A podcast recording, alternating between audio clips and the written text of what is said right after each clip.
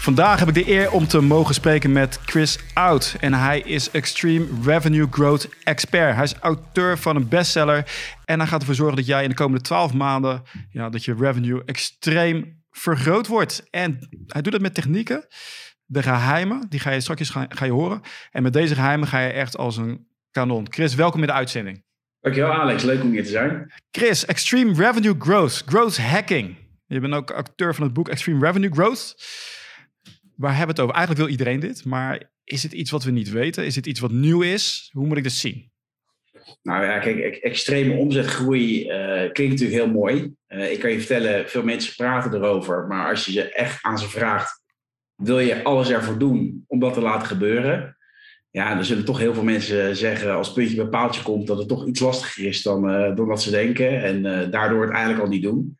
En wat ik eigenlijk met mijn boek heb willen doen, hè, Structuring for Extreme Revenue Growth, hè, de structuur brengen, waardoor je eigenlijk met zoveel mogelijk controle en gemak die extreme omzetgroei kan faciliteren. Want ik geloof heel erg, hè, als jij een goed plan hebt, je kan het zelf organiseren, ook als je de dingen ervoor doet die je ervoor moet doen. Je bent voornamelijk bezig met, uh, ook, uh, met uh, SaaS, Service as a Service is dat. Software as a Service, dan moet je denken aan Airbnb. Uh, zulke bedrijven, hebben die een andere soort manier om te groeien dan een, ja, ik noem wel een ZZP'er of een consultant? Kijk, het, grootste verschil tussen een, een, softwarebedrijf en een consultancy is eigenlijk de schaalbaarheid van het product. En dus ik heb zelf ook een, een consultancy uh, gehad en uiteindelijk in de toptijd hadden we 85 man voor ons werken het schalen met 10, 20, 30 extra consultants in uh, twee weken erbij, uh, dat is gewoon vrijwel onmogelijk om dat te doen. Zeker als je het op een goede manier wil doen.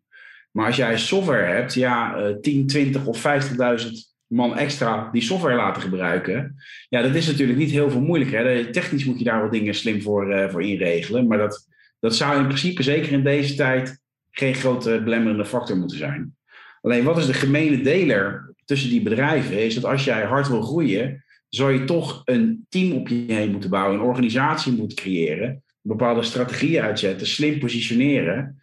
Ja, en uiteindelijk zie je dat in de samensmelting tussen dat soort, dat soort type bedrijven, dat SaaS-bedrijven weten eigenlijk niet hoe je service moet organiseren. En agency-bedrijven die willen het liefst producten creëren, omdat ze gewoon klaar zijn met het uurtje factuurtje en achter elk project aanrennen. En ik ben eigenlijk zeg maar, de brug tussen die twee. Hè. Dus de ideale partijen waar ik mee werk, dat zijn bedrijven die en een service component hebben, hè, dus die consulting hebben, maar het liefst ook eigen uh, software, waarbij de goedkope variant van de software eigenlijk door mensen zelf gebruikt kan worden. En voor de premium variant, dat ze die service component hebben. En daar breng ik die twee werelden samen. En dat, daar kan ik met de expertise die ik heb uit allerlei verschillende velden, hè, zoals growth hacking, maar ook uit heel veel andere, een unieke combinatie creëren waarmee ze echt die impact kunnen krijgen. Kijk, je bent al een beetje voor de, de oplettende luisteraar of kijker. Je bent al een aantal eh, geheimen aan het prijsgeven. Want er zijn een aantal pijlers waar jij, jouw systematiek op baseert. En een daarvan is inderdaad zorg dat je meerdere producten hebt in verschillende prijsklasses. Ja, 100%. Hè. Dus het hele. Dit, dit is een concept dat als ik dit uh, aan het begin van mijn ondernemerscarrière had geweten, dan had ik al veel verder gestaan. En dat is eigenlijk het concept van een, van een waardeladder. Is, je, wil, je moet altijd een duurder product hebben en een goedkoper product. Of een duurdere service en een goedkopere service. En het liefst wil je ook één product of één service hebben die zo duur is dat eigenlijk niemand het koopt.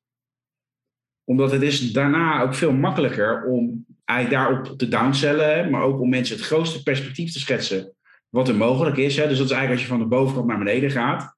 Maar waar heel veel bedrijven een hele grote kans laten liggen, is eigenlijk van de onderkant naar boven. Dus hè, wat ik in mijn boek ook deel, is uit het verhaal van een, een productiviteitscursus die ik kocht, zo'n online cursus. Betaalde ik 150 dollar voor en dat was eigenlijk best wel eng, want dat was de eerste keer dat ik zo'n aankoop deed uh, online. Maar de grap was, door dat product te kopen en een aantal vervolgproducten daarna die nog iets duurder waren, kocht ik uiteindelijk een online cursus bij die meneer die 7.500 dollar was waren twaalf video, videolessen. Hè? Dus eigenlijk als je kijkt van wat krijg je nou, dan denk je van ja, dat, uh, dat moet wel heel goed zijn. Maar de grap was dus dat die 7.500 dollar, die 50 keer zo hoog was als die 150 euro, 150 dollar, die legde ik makkelijker neer dan die eerste 150. Omdat ik al door zo'n hele ladder heen was getrokken met uh, een steeds hogere prijs en een steeds hogere kwaliteit. Dus daar slim mee omgaan. Ik denk dat daar heel veel kansen liggen uh, voor heel veel bedrijven. En de vraag die ik dan altijd stel is eigenlijk, wat is je Trojaanse paardproduct? Of Trojaanse paardservice? Hoe kan je al bij iemand binnenkomen dat ze gewoon versteld staan van die eerste prijs-kwaliteitsverhouding, dat dat eigenlijk de deur opent voor je andere services of producten. En waarom denk je dat het eh, zo'n uh, zo'n waardeladder, waarom dat zo goed werkt? Nou ja, dat is, er, zijn verschillende type klanten. Hè, dus er, zijn altijd premium klanten.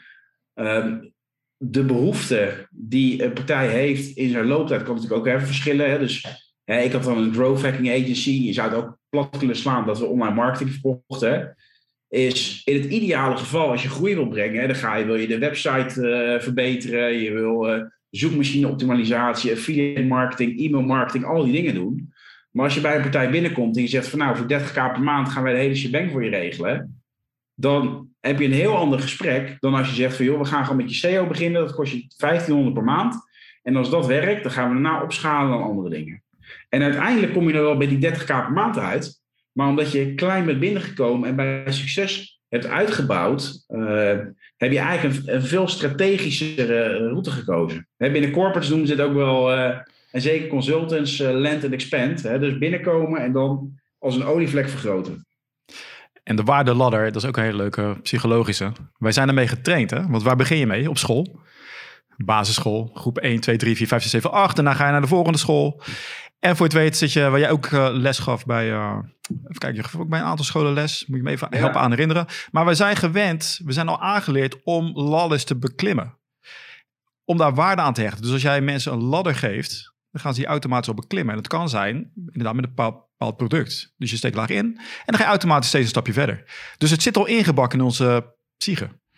Ja, zeker. En ik denk iets wat ik in mijn werk natuurlijk heel veel probeer te doen, is de menselijke psyche proberen te doorgronden. Uh, en daar zo slim mogelijk gebruik van proberen te maken. Ja, dus jij helemaal de, de Trojan Horse. Ja, kijk, een, een Trojaans paard. Hè. Mensen willen, willen verleid worden. En kijk, growth hacking en dat soort zaken en extreme omzetgroei. Het kan een beetje een negatieve bijsmaak hebben. Uh, maar wat ik altijd zeg, zeg maar, is extreme omzetgroei is het gevolg van extreem veel waarde leveren. En bij alles is wat ik er, waar, wat ik doe en het type bedrijf dat ik help. Hè, als jij niet extreem veel waarde levert aan je eindgebruiker, dan, kan ik, dan, dan werken deze technieken ook niet. Omdat het zijn geen, zeg maar, uh, get, rich, get rich quick uh, zeg maar, schemes. Het is echt gewoon hè, de, de partijen met wie ik het beste werk. Dat zijn vooral partijen die gewoon in wat ze doen extreem goed zijn. Maar het gewoon nog niet op de meest strategische meest slimme manier hebben georganiseerd, zodat ze ook eruit kunnen halen wat ze erin hebben gestopt. Ik vond het wel leuk wat je zei over SaaS-companies, dat die het moeilijk vinden om service te verlenen. Dat is wel heel ironisch. Ja, 100 eh, procent. Want het is, kijk, vanuit schaalbaarheid en vaak ook vanuit investeerdersdruk en dat soort dingen, wil, wil je, en dat zie je bijvoorbeeld bij banken nu heel veel gebeuren, hè, de menselijke touch zo laag mogelijk maken. Terwijl waar je naartoe wil, is zo slim mogelijk die menselijke touch gebruiken. Hè? Dat de simpele dingen gewoon door de software op laten lossen. Maar hoe meer premium je gaat en hoe groter eigenlijk zeg maar, de pijn of de behoefte of de transformatie die jij komt brengen, hè, hoe meer human touch op een gegeven moment op dat hoge niveau nodig is. Want uiteindelijk mensen kopen een betere versie van zichzelf. En hoe groter die sprong, ja, hoe meer menselijk, uh, menselijke component daarbij nodig is om die te begeleiden. Hoe doe je dat nou met een softwarebedrijf? Hoe breng je het menselijk aspect daarin? Nou ja, dat, dat zit vooral in, in, de, in de customer service, customer succes. Kijk, en het mooie met een, met een waardeladder is, is als iemand al een euro bij je heeft uitgegeven, is het een klant. Als iemand nog geen geld bij jou heeft uitgegeven, dan is het een prospect. Als je dat weer omdraait, als jij al ergens een euro hebt uitgegeven en je wordt heel goed geholpen, of in andere woorden, hè, je, er wordt heel goed aan je verkocht, uh, dan percipieer je dat als hele goede customer service. En hecht je er veel meer waarde aan. Want als jij nog niet gekocht hebt, dan denk je van ja, die gasten, ze zijn wel echt, uh, ze proberen wel hard te verkopen. Dus hè, wat ik altijd zeg is, hoe sneller je de differentiatie kan maken tussen iemand die nog geen euro heeft uitgegeven en iemand die dat wel heeft gedaan, ja, hoe slimmer je daar weer op in kan tappen. En ik heb een, een leuk voorbeeld van hoe makkelijk het kan zijn om een indruk te maken tegenwoordig. Ik ging naar een nieuwe hosting site. Dat was SiteGround. Gebaseerd in de UK op dit moment. Dus ik werd daar, ik ging gewoon online. Betaling verricht. Ik werd de volgende dag of twee dagen later, ik werd gebeld door customer service. En ze zeiden, ja, we wilden gewoon even checken of alles goed is gegaan. Ik was, ik was echt weggeblazen. Ik zeg, wauw, wat is dit? Ja. Gewoon om niks, hè? Gewoon even checken of alles goed ging. Telefoontje was zo, was zo gepleegd. Ja. Als, je er, als je erover nadenkt, is we pompen miljoenen euro's in Google. Terwijl dit zijn ook marketingcampagnes, hè? Want hè, eigenlijk wat je wil doen, hè, een bedrijf schalen, is niks anders dan het stapelen van machientjes die meer dan een euro opleveren. dus overal waar je een euro instopt en er komt meer dan een euro uit en je stapelt dat, dan heb je uiteindelijk een hele mooie business. Zij weten gewoon dat door jou te bellen, dat heeft ze wat euro's gekost, maar daardoor gaat jouw totale klantwaarde gaat hoger zijn dan die investering. Dus het is eigenlijk is dat belletje gratis geld voor hun. En dat is, dat is super slim om op die manier te doen. Dus krijg gewoon extra reclame op een van de meest bekende podcasts ter wereld. Ik vertel, jou er wel, ik vertel jou er wel over. En het is blijven hangen, maar het is zoiets kleins. Heb jij misschien nog een aantal voorbeelden van hoe andere bedrijven dit gedaan hebben? Dat met iets heel kleins, wat bijna niets kost eigenlijk. Hè? Wat, wat is het nou? Een telefoontje uit een callcenter. Dat ze zo'n impact maken, waardoor het als een vuur wordt verspreid.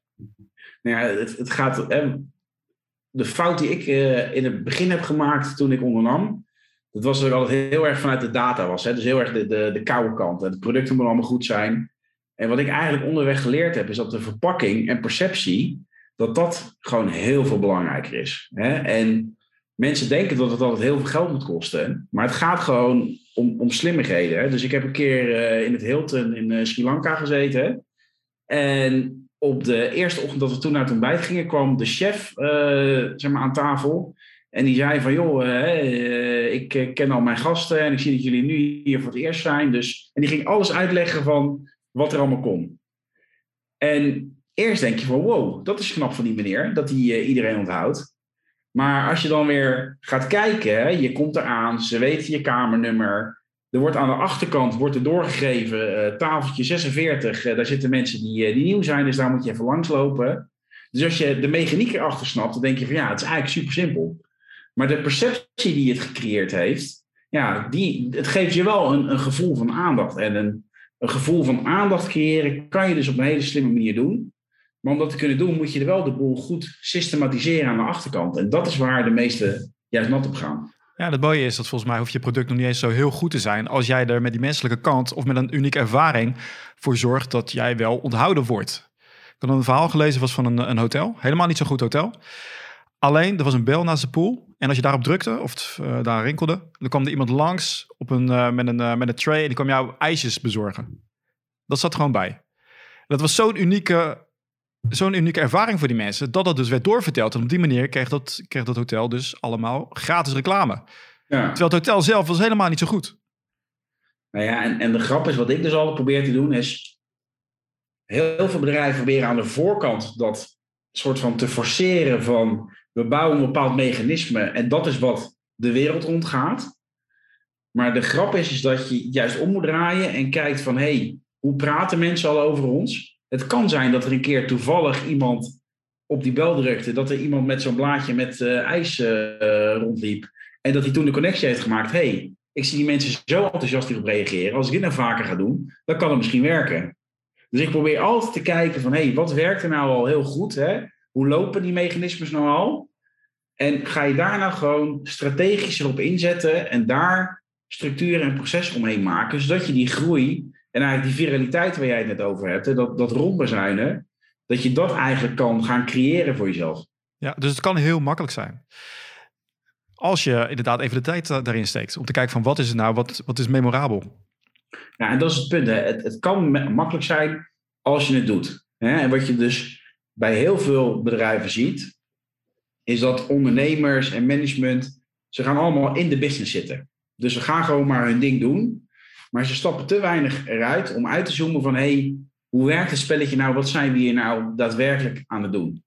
En daardoor kom je op een gegeven moment op een glazen plafond dat je maar niet verder komt. Dat je elke keer dezelfde problemen tegenaan blijft lopen en het gewoon niet meer werkt voor je.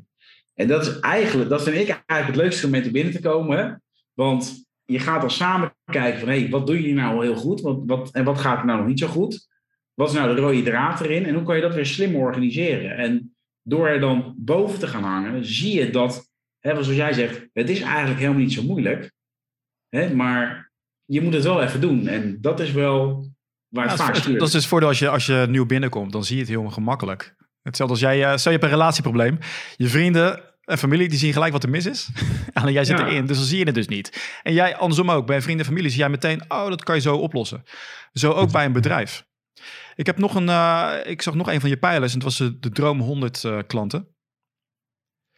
Ja, dus de, de, de, Dream 100. De Dream 100, in het Engels klinkt het toch beter. Ja, klinkt, klinkt lekker. Ja, hè? Klinkt, klinkt, dat, klinkt dat, lekker. dat, is, eigenlijk- dat is eigenlijk een, een, een heel mooi concept, hè, wat, je, wat, wat origine heeft eigenlijk uit verschillende werelden.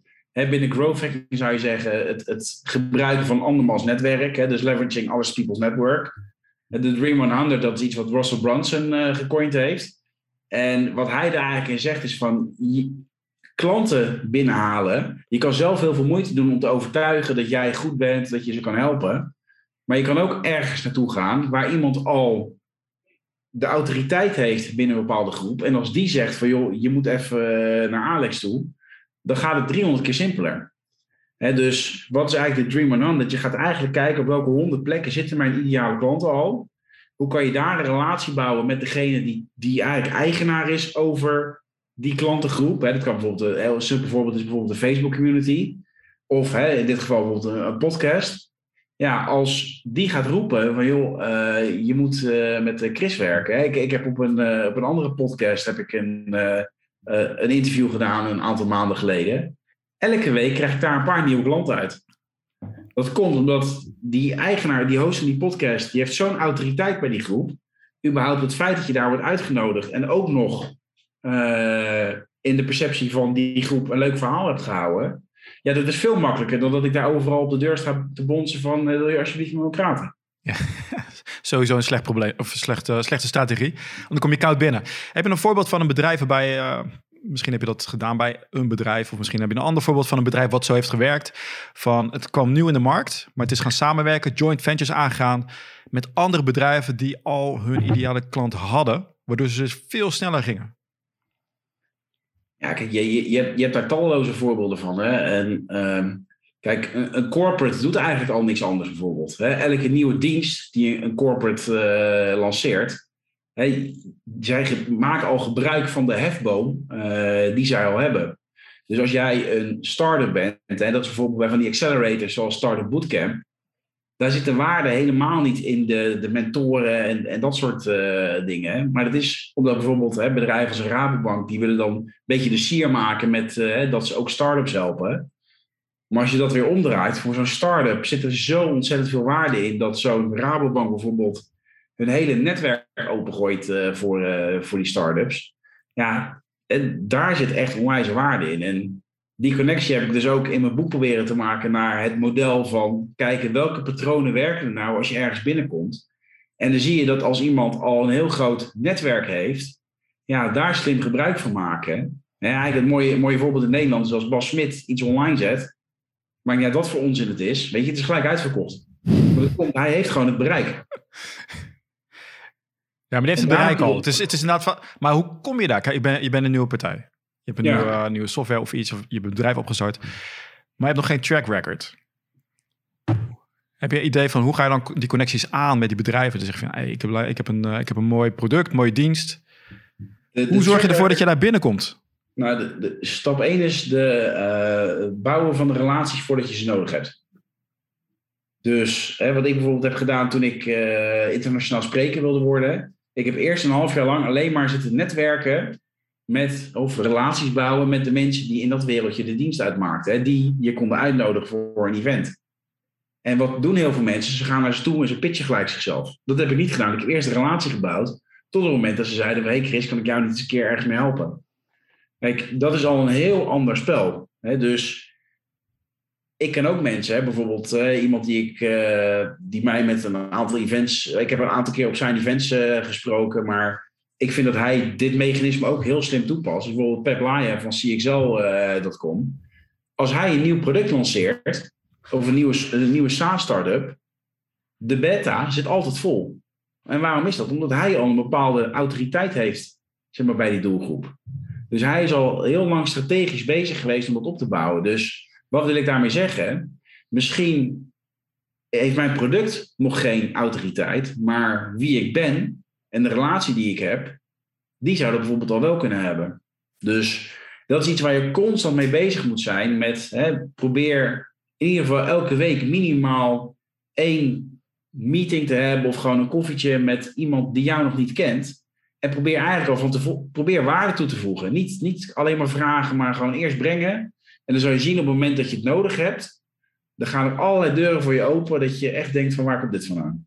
Ja, en uh, ja, ik zou zeggen, wees gewoon relax. Dus er wordt veel gezegd over dat uh, brengen van waarde. Maar weet je wat ook heel waardevol is? Gewoon een leuk gesprek hebben met iemand. Zonder ja. dat er aan je getrokken wordt. Of hey, ik heb dit en dit voor je. Misschien wil je dit. Weet je wel, dat, dat proeft al gelijk naar, oh, die wil wat van me. Ja, het, is sociaal kapitaal opbouwen. Hè? Dus, en net als dat je geld, financieel kapitaal op je bankrekening op kan bouwen, kan je sociaal kapitaal op de, eigenlijk de emotionele bankrekening van iemand opbouwen. En een heel mooi framework dat ik daar in, een van de online cursussen die ik heb gedaan over geleerd heb, is je kan eigenlijk maar op drie, je kan op drie manieren social capital opbouwen. Dat is door überhaupt wat jij zegt, een leuk gesprek. Hè, zij verwoorden dat dan naar iemand te luisteren, hè, iemand zich gehoord laten voelen.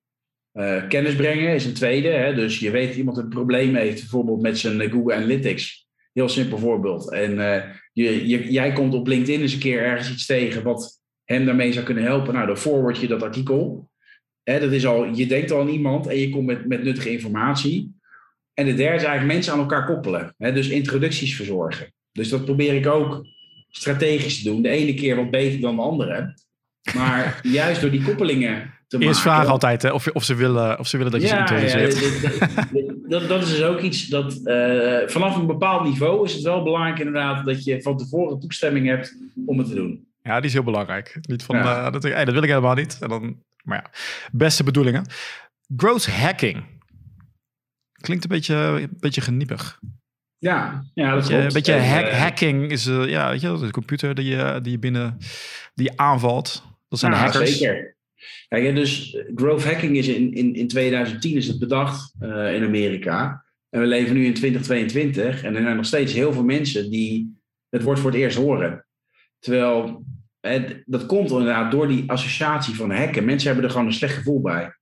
Terwijl als je het af gaat bellen en je gaat kijken, wat is het nou eigenlijk? Je gaat gewoon kijken naar waar kan je nou met de kleinste verandering een disproportioneel resultaat halen op je acties. Het is gewoon, wat ik eigenlijk zeg, het, het komt uit de wereld van software, waarbij developers eigenlijk de groei moesten gaan doen, moesten, waren verantwoordelijk voor marketing. En als een marketeer creatief is, dan noemen we hem creatief. En als een developer iets slims doet, dan noemen we het een hacker. Dus dat is eigenlijk waar het, waar het vandaan komt. Dus het gaat gewoon op een, op een hele slimme manier werken. En ik heb gewoon gemerkt als ik bij bedrijven binnenkom en ik zeg ik doe growth hacking, wat echt gewoon 99% een mindset is, dan krijgen mensen als iets van oeh, weet je, ik weet het niet. Maar als je zegt ik kom extreem omzetgroei brengen en ik doe het op een slimme manier. En eigenlijk wat ik doe is, ik zit tussen een strategieconsultant en een growth hacker in. dus wat ik altijd zeg, growth hackers, veel growth hackers snappen niks van strategie. En veel strategieconsultants die zitten ergens hoog in de boom en die hebben nog nooit uh, vuile handjes gemaakt. En als je daar slim tussenin gaat zitten, dan kan je beide werelden combineren. Want dan snap je wat er moet gebeuren. Maar kan je ook, in ieder geval in mijn geval, de juiste experts aanhaken. En kan je ook nog zien of het enigszins hout snijdt wat ze doen het menselijke met het uh, technische verbinden. Ja, zeker. Ik wel. Heb je nog een aantal leuke voorbeelden van uh, eye-openers die je bedrijven kunt geven? Met, heb je hier al aan gedacht? Want traditioneel is het, ik heb een product, ik ga het de markt inbrengen. Maar er wordt heel weinig, er wordt heel veel vergeten om te doen. Dus heb je er een aantal. We hebben de, de Dream 100 hebben we al gehad. We hebben de, eh, de Value Ladder hebben we gehad. Ik nog een paar, zeg de, de money is in de follow-up. Dus nog een keer iemand bellen nog een keer een e-mail sturen. Het gewoon nog één keer doen. ik heb uh, laatst bij een bank een, grote opdracht gedaan. En daar moesten mensen door zijn hele funnel. En uiteindelijk kregen ze een offerte. En dat had een waarde van 5000 euro of meer. En die mensen kregen één slechte e-mail en werden niet aangebeld. Ja, bij mij ontploft dan mijn hoofd, want ik weet gewoon, als je ze vaker gaat bellen en vaker gaat mailen, daar zit gewoon heel veel kans in. En dit is dus ook weer zoiets. Mensen denken al gelijk van ja, maar dan ga je spammen.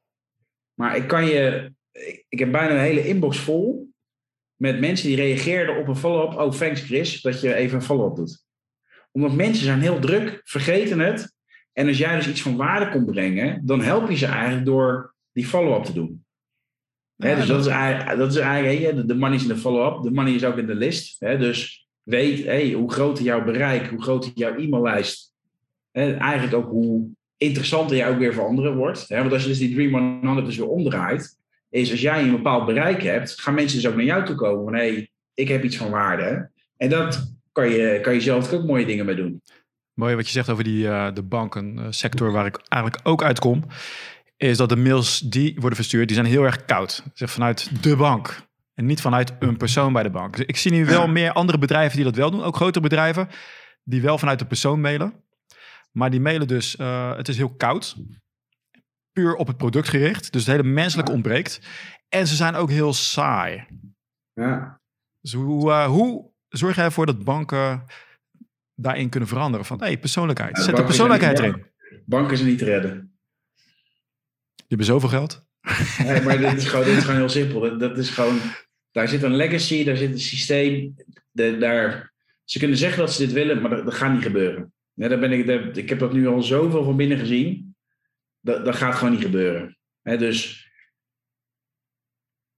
Oké, voor iedereen, iedereen die wel te redden is, hoe ga je dat aanpakken? Als je denkt van, hé, hey, ik, ik mail vanuit het bedrijf. Ja, nou, het punt is dus heel veilig om te doen. En ik heb zelf ook, hè, met, toen ik mijn agency had, hadden we een, e-maillijst uh, waarbij we een, een autoresponder hadden van 500 berichten. Hè. Dus als je dan vandaag inschreef, kreeg je de komende 500 dagen een e-mail. Nou, dat, dat, dat, dat zorgde er ook wel voor dat bij best wel mensen wat, uh, wat explodeerde. Hè, ik ben nu ook zelf vanuit mijn eigen lijst uh, regelmatig gaan mailen. De ene keer wat meer dan de andere keer, naar gelang hoe druk ik het heb, als ik heel eerlijk ben. Maar wat je ziet is dat als jij ehm, zakelijk mailt, krijg je relatief weinig gezeik. Terwijl als jij meer emotie erin gaat leggen, meer de persoon, dan krijg je echt uh, e-mails van Chris, wat is dit? En dan uh, word je, dat is niet, laat, ik het zo zeggen, je, het is niet lekker voor je ego. Maar als je kijkt wat er het beste werkt, dan zijn het wel die persoonlijke, die verhalen en, en gewoon de, ja, Aartjan van Erkel, die heeft er laatst een, een, leuk boek over, over geschreven ja, meer, meer entertainen. Ja, ik heb het ook uh, geprobeerd. Ja, het, het, is, het werkt, maar uh, het is niet leuk voor je ego. Nou ja, als je een groot ego hebt, dan uh, doet het je niks. Dan zeg je juist welkom tegen de haters. Ja.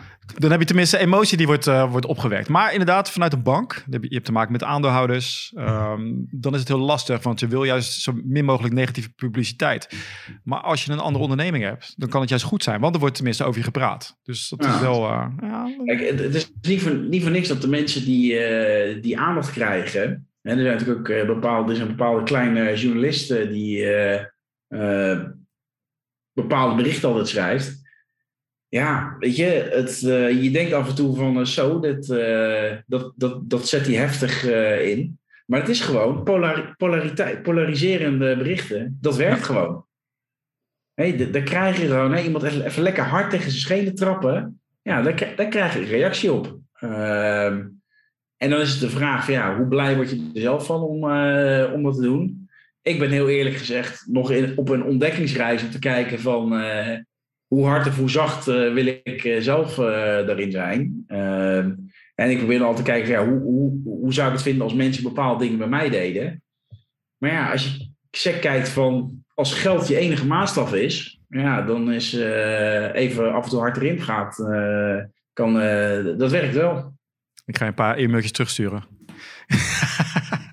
Kijk of je kan pakken. oh nee, ja. mijn, mijn ego. Daar word je hard van. Nee, maar ja, je, het gaat erom, heb je een mening? Heb je een sterke mening. En dat is vaak al voldoende in deze tijd om mensen tegen in het harnas te jagen. Maar aan de andere kant, er zijn ook weer heel veel mensen die dat juist waarderen. Voor eindelijk een bedrijf wat ergens voor staat. Ja. En dat zijn jouw klanten. Dat zijn de mensen die je wil hebben. Kijk, en dat is het punt. De... Ja, je moet polariseren en dat soort dingen. Dat, als je hem vanuit tactiek of strategie bekijkt. Maar het punt, als je dat niet echt voelt, of als je dat niet echt bent, kan je het wel proberen. Maar dan is het gewoon een verpakking waar binnen een half jaar die helemaal gort is geschoten. Dus hè, als je het net over banken hebt, met, uh, waarbij ik zeg die zijn niet te redden.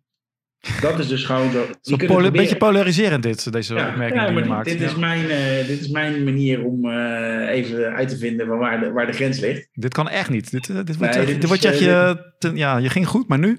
Ja, nee, ik, ik ben heel blij dat ik niet meer focus op, op bank als, okay. als ideale klant. Okay. Maar ja, het is wel, het, het werkt, maar ik moet wel ja, als je dat niet zelf bent, dan zeg ik uh, beter niet doen.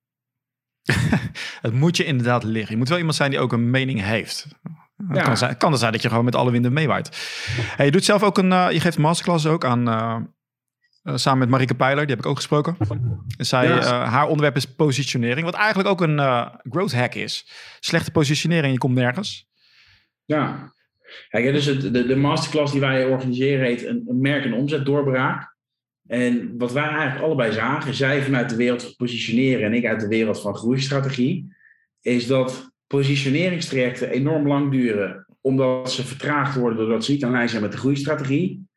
En ik bij groeistrategie zag van ja, uh, leuk uh, al dat soort dingen, maar we hebben onze positionering nog niet zo scherp. Dus ja, dan moeten we ook maar kijken wat we met de groei gaan doen.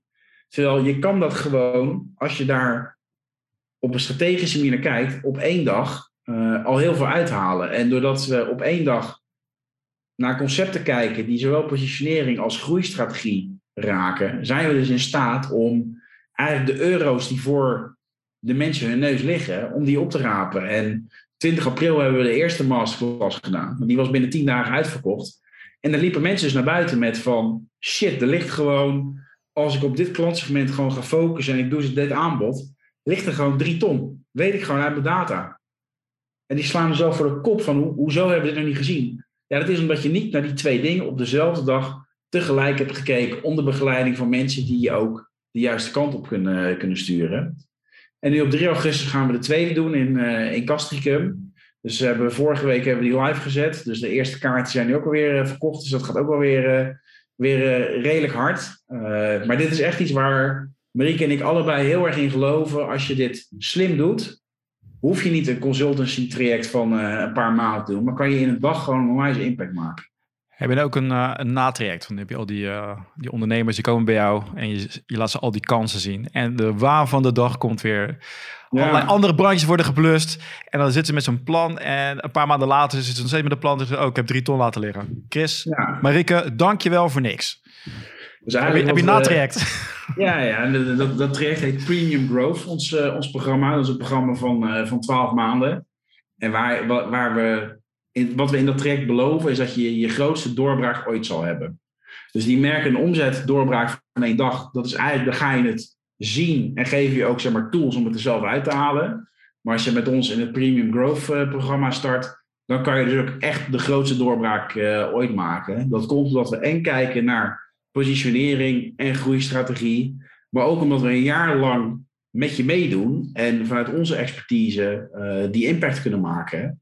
En als je kijkt naar de investering die je daarvoor betaalt, in vergelijking met als je dat bij agencies of een bureau gaat doen, ja, de, de, het rendement waar, wat je op die investering krijgt, is gewoon een veelvoud. Omdat bij een bureau of een consultancy, hè, een, een, oude klant van mij die noemde het net konijnen, je haalt die nooit binnen, er zijn er twee en twee weken later zijn het er ineens 16. Hè, want die willen, die willen uren schuiven. Okay, okay, ons model is niet uren schuiven. We willen jou die grootste impact laten maken. En of wij er nou een uur voor nodig hebben of tien uur, ja, dat is ons probleem. Ik moest even denken waar die konijnenvergelijking heen ging. Het was gelukkig geen hashtag MeToo.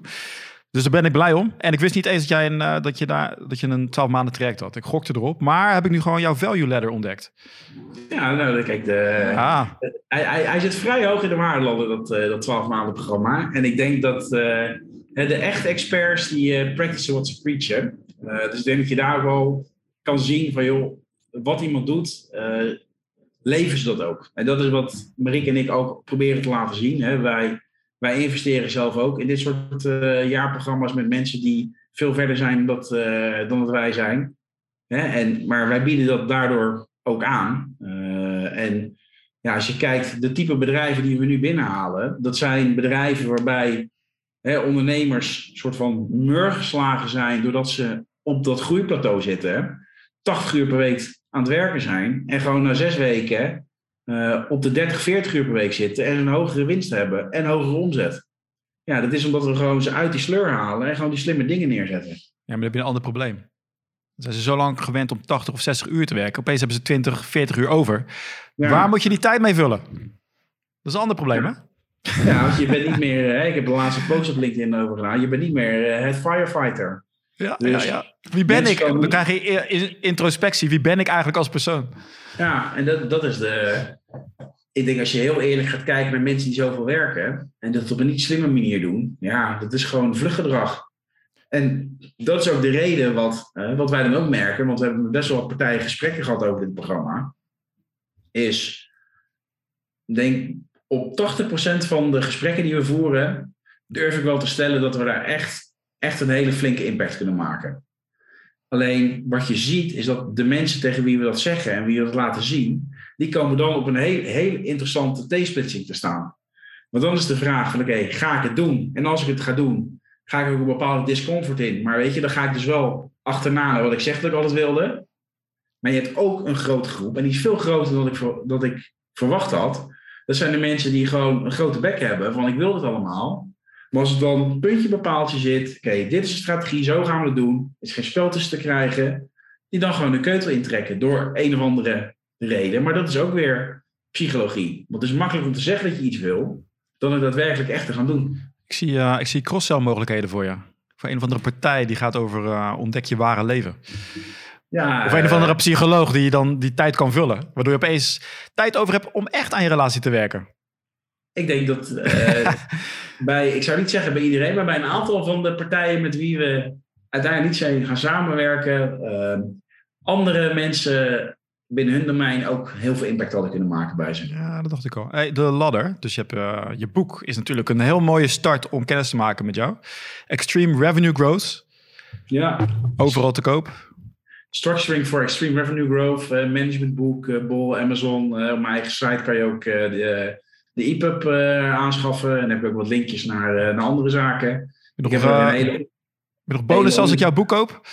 Ja, de hele mooie online community zit, er, zit erbij met allemaal worksheets. En volgens mij zit er tien of twintig van die worksheets zitten erbij. Eigenlijk heb ik daar nog een boek erbij gedaan. die Growth Lever Cheat Sheet en al dat soort mooie dingen krijg je erbij. maar dat is ook weer iets. Ja, je kan het boek kopen en lezen, maar uiteindelijk de waarde zit erin. Wat ga je ermee doen? En ik heb gewoon, toen ik het boek schreef, heb ik gewoon voor mezelf bedacht. Als iemand 30 euro uitgeeft aan het boek, no matter wat business het is, kunnen zij dit hiermee een ton verdienen. Kunnen ze een ton extra omzet hier uithalen. En ik, durf, ik kan wel met zekerheid zeggen dat, maakt niet uit wat voor bedrijf, als je dit boek pakt, je investeert 30 euro en je gaat gewoon de dingen doen, kan je er gewoon minimaal een ton uithalen. Daar, daar durf ik mijn hand voor het vuur te steken. Nou, de truc zit hem ook uh, vaak niet in wat, wat is de kennis, maar wordt het op zo'n manier uitgelegd dat je het ook toe gaat passen. Word je ook zo, op zo'n manier gemotiveerd om dat toe te passen. Dus ik denk zo'n workshop, zo'n eerste dag, want dat zie ik ook als een, uh, als een gedeelte van de ladder, om kennis te maken, dat je in een plan hebt, dat dat je wat meer houvast geeft van het is ook echt mogelijk. Los van het staat in een boek, maar dat je het ook voor jezelf ziet. En ik denk maar dat jullie, uh, de mensen die daar komen, daar ook in helpen om ervoor te zorgen dat ze dat goed op papier kunnen zetten. Want vaak zit het wel in je hoofd, maar ja, hoe krijg je het op papier?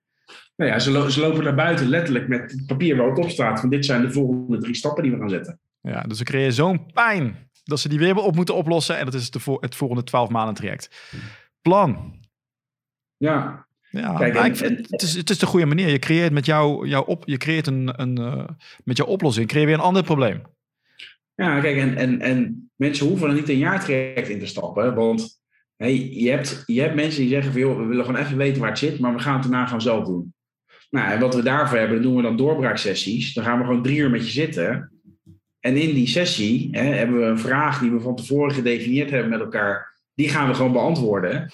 Ja, en dan laten we gewoon zien waar het zit. Uh, en dan kunnen we dat gewoon één op één doen, of met een managementteam, of uh, met andere mensen in je, in je bedrijf. Maar we hebben wel gezegd van, we gaan niet bij de ene een maandje meekijken, bij de andere drie maanden. Nee, het is gewoon hè, ook om zelf de beste kwaliteit te kunnen leveren. Het is of een dag workshop of een, een doorbraaksessie van een middag of een ochtend. Maar daarna is het of all-in of het lekker zelf doen. En dan komen ze, als ze het lekker zelf hebben gedaan, komen ze vanzelf wel weer terug. Chris, help me. Het is toch lastiger dan ik dacht. Hey, heb jij zelf voorbeelden van hoe jij growth, heb, growth hacking hebt toegepast in jouw onderneming? Ja, ik denk dat... Behalve deze value ladder, die hebben we gezien. Ja, nee. Ik zoek smeuïge tips. Smeuïge tips. Ja, een paar, een paar dat je denkt, wow, mind blown. Nou ja, de, en wat, wat ik eigenlijk zeg is, je hoeft het, je hoeft het niet zelf uit te vinden. Uh, en wat bedoel ik daarmee is, bijvoorbeeld met een boek schrijven. Ik heb mijn boek in minder dan 300 uur geschreven. Uh, ik heb een boekdeal binnengehaald met een videootje van 8 minuten. Terwijl anderen moeten al een heel manuscript inleveren. En wat ik daar gedaan heb, ik heb gewoon gekeken van hoe werkt het spelletje nou van een boekdeal krijgen? Hoe schrijf je nou zo snel mogelijk een boek? Dus ik ben een heel groot fan van online cursussen en van boeken. Uh, en dan voor mensen die eigenlijk het probleem wat jij voor je neus hebt liggen, dat wel hebben opgelost. Kijken wat de rode draad daarin zit. Hè? Wat is nou de structuur van een heel goed boek? En ga niet zelf zitten verzinnen van ik ga achter mijn uh, laptop zitten en op een of andere magische wijze een perfect boek maken. Nee, pak wat al werkt en pas dat zelf toe en kijk hoe je dat weer beter kan maken. Dus als ik heel eerlijk ben, al mijn briljante growth hacks, als je het zo zou mogen noemen, dat, dat is eigenlijk doordat ik slim heb gekeken van wat werkt er nou, wat werkt er nou niet, wat is nou de rode draad erin. Um, en daar op in durven zetten. Dus ik heb nu bijvoorbeeld ook een, een, een klant van mij, die, uh, die, daar had ik een sessie van een uur mee. En die gaf gewoon aan, er is een bepaald segment binnen het vastgoed. Uh, als ik daar uh, deze, deze strategie op toepas, dan gaat het door het dak. Maar dat was maar zo'n klein gedeelte van zijn business op dat moment. Nou ja, toen heb ik gezegd van nou luister, het ligt gewoon voor je neus. De vraag is nu, hoe, hoe al in durf je te gaan? Nou ja, en hij was wel iemand die dat wel durfde. Hè? Dus dat is ook wel iets. Ik en ook met Marieke, wij werken met besluitvaardige ondernemers. Dus als je geen beslissingen durft te maken en niet in actie durft te komen, dan moet je ons niet bellen. Maar wat hij heel goed deed, hij ging er gewoon al in op. Uh, en drie weken later stuurde ik hem op Insta DM met: hey, uh, hoe gaat het? En hij zegt van ja, ik heb er nu al 15.000 euro mee verdiend. En over een maand zit ik op 30k per maand. Nou ja, en dan ga je wel denken van, was het nou zo briljant? Nou, ik denk deels. Hè, want het, lag voor zijn neus. Maar wat ik wel heb kunnen doen, is gewoon kijken van wat, wat werkt er maar al? En als iets al goed werkt en je gaat er niet all in op, dan weet je ook niet hoe ver je het kan stretchen. Creativiteit is het samenbrengen van al bestaande componenten. Dus het briljant, is het, briljant is het zeker. Hè? Mensen denken vaak ook, het moet uit het niets, niets komen. Nee, je bent, je bent aan het zoeken van, oké, wat werkt? Dat breng je bij elkaar. En je moet ook nog iemand kunnen overtuigen, die, waardoor ja. dit inziet. Want heel vaak gebeurt het dus niet van, oh ja, zal allemaal wel. Maar jij kan dus iemand overtuigen eh, en mensen aanzetten tot actie. En het helpt inderdaad als je klanten hebt die dat ook al willen doen. Het, het scheelt dat ik, uh, ik doe ook aan wegjaagmarketing. Dus ik laat ook heel, uh, heel goed weten wie, uh, wie vooral niet bij mij moet zijn. en dat zijn gewoon de mensen die, ze maar zeggen dat ze dingen willen, maar het gewoon niet doen.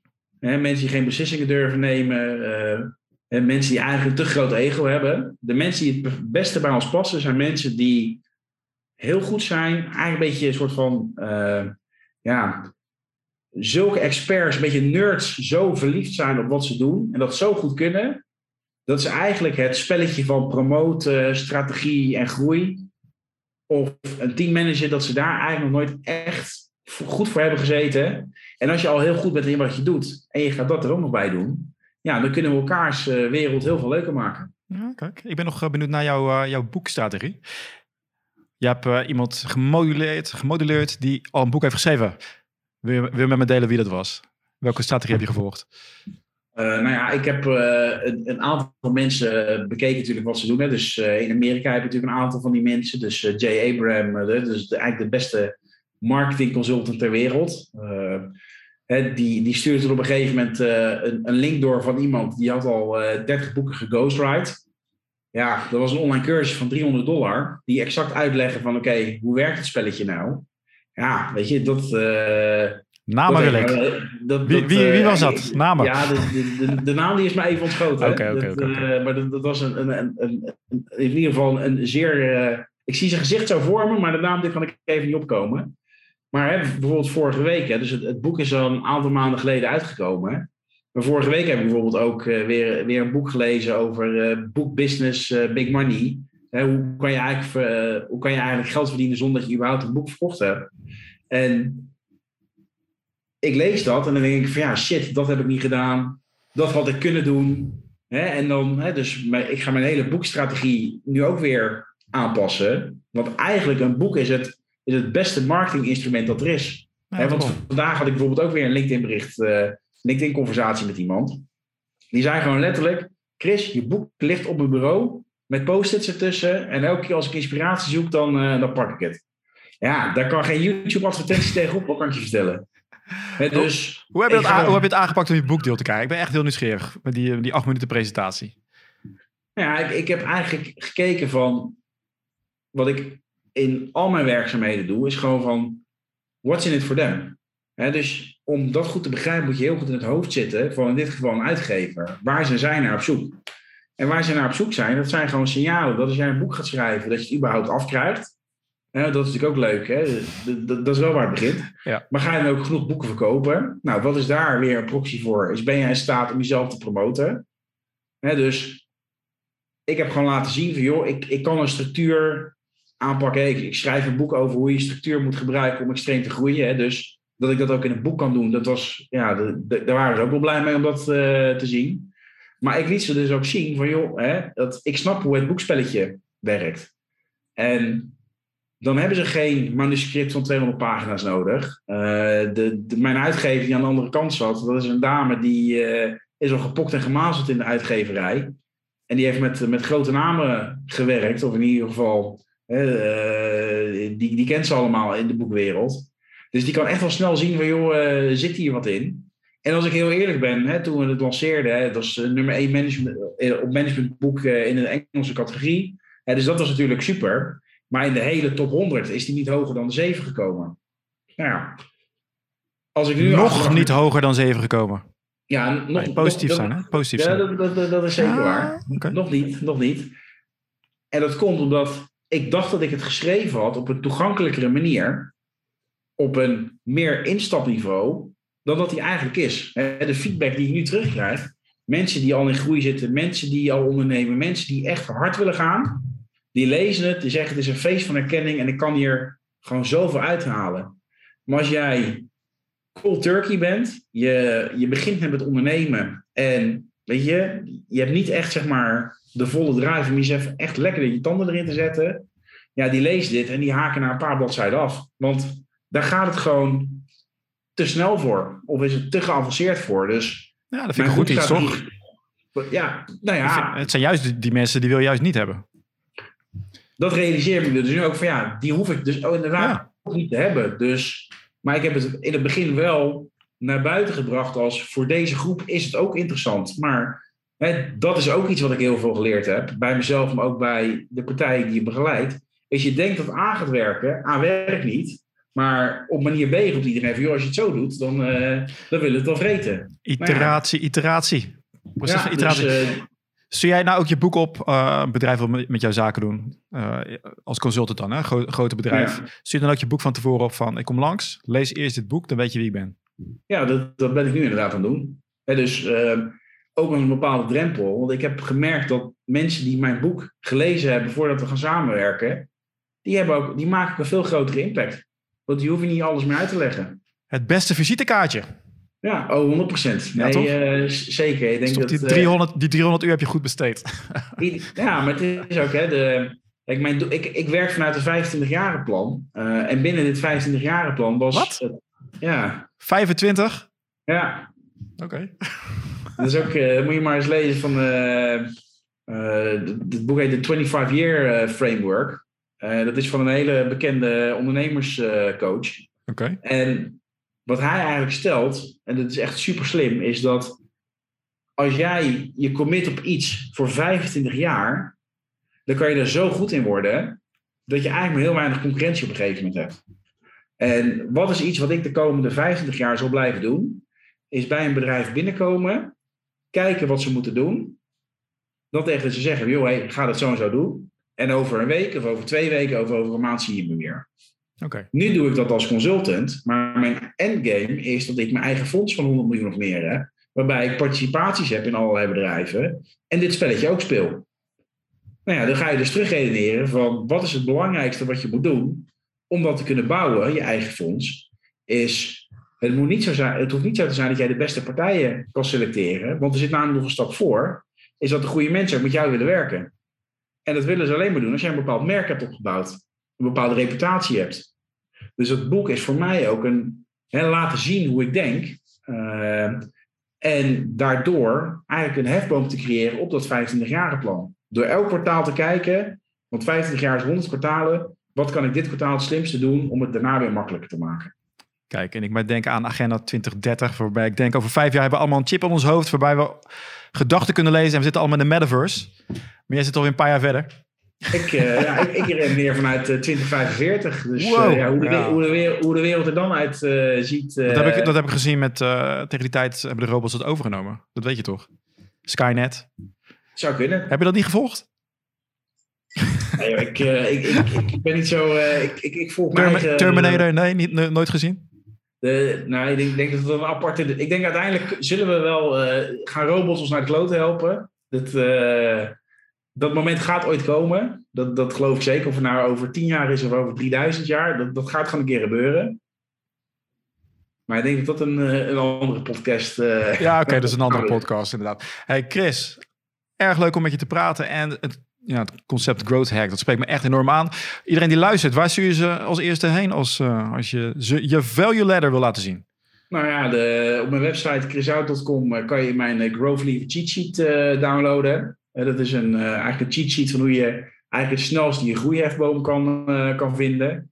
Die heb ik samen met mijn vrouw gemaakt, die ook al jaren in de marketing zit. Dus het zijn niet alleen mijn slimmigheden, maar ook die van haar die, daar, die daarin zitten.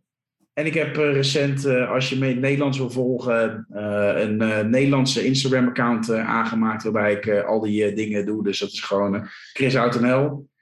En binnenkort zal je op extremeomzetgroei.nl, die nog niet live is, maar wel snel live gaat komen. Ook een aantal hele leuke dingen kunnen, kunnen vinden. Goeie titel, joh. Ja. ja. Je gaat gelijk. Hè? Dus we hebben een aantal, over een aantal concepten gehad. En ik snap het als je luistert naar een podcast. Het gaat heel snel. Maar in de, op de cheat sheet kan je er veel meer over lezen. En je kan het meteen toepassen. Dus dat is ook wat. Hè? Het is niet zo van je krijgt informatie waar je niks mee kan. Je kan het gewoon ook echt toepassen. Dus dat vind ik ook wel heel goed dat je dat op die manier doet. En niet een soort teaser. Over, to over toepassen gesproken. Uh, ik heb een 30 dagen groei challenge. Die kan je ook aanschaffen op mijn, uh, op mijn website. Waarbij je 30 dagen lang in een bepaalde volgorde opdrachten krijgt. Ja, en als je daar doorheen gaat, dan uh, heb je eigenlijk mij naast je zitten. Uh, maar op een veel goedkopere manier. waarmee je nog steeds heel veel impact kan maken. En je ook daadwerkelijk dingen gaat doen. Kijk eens aan. Dus je zit erachter van met zo'n zweep van oké, okay, nou doorwerken. En uiteraard een soort ja, correlatie van wat moet je doen met al die vrije tijd die je over hebt. Nou ja, Introspectie, relatie opbouwen met je kinderen, met je vrouw, opeens naar buiten gaan, zonlicht zien. Dus uh, nou, ik, ik, ik pitch je meteen, hè? Je, je, je volgende cross-selling. Uh. Ja, heel goed, heel goed. Ja, doen. Hey Chris, leuk. ik zet alle linkjes in de, in de show notes, uiteraard. En ik ben heel benieuwd naar je volgende trajecten. Maar dankjewel, ja, dankjewel. Graag gedaan, dankjewel Alex. Deze aflevering wordt gesponsord door High Impact Profits. High Impact Profits helpt slimme ondernemers die meer impact en meer winst willen maken. Kijk nu op highimpactprofits.nl om te zien waar jouw grootste kans ligt.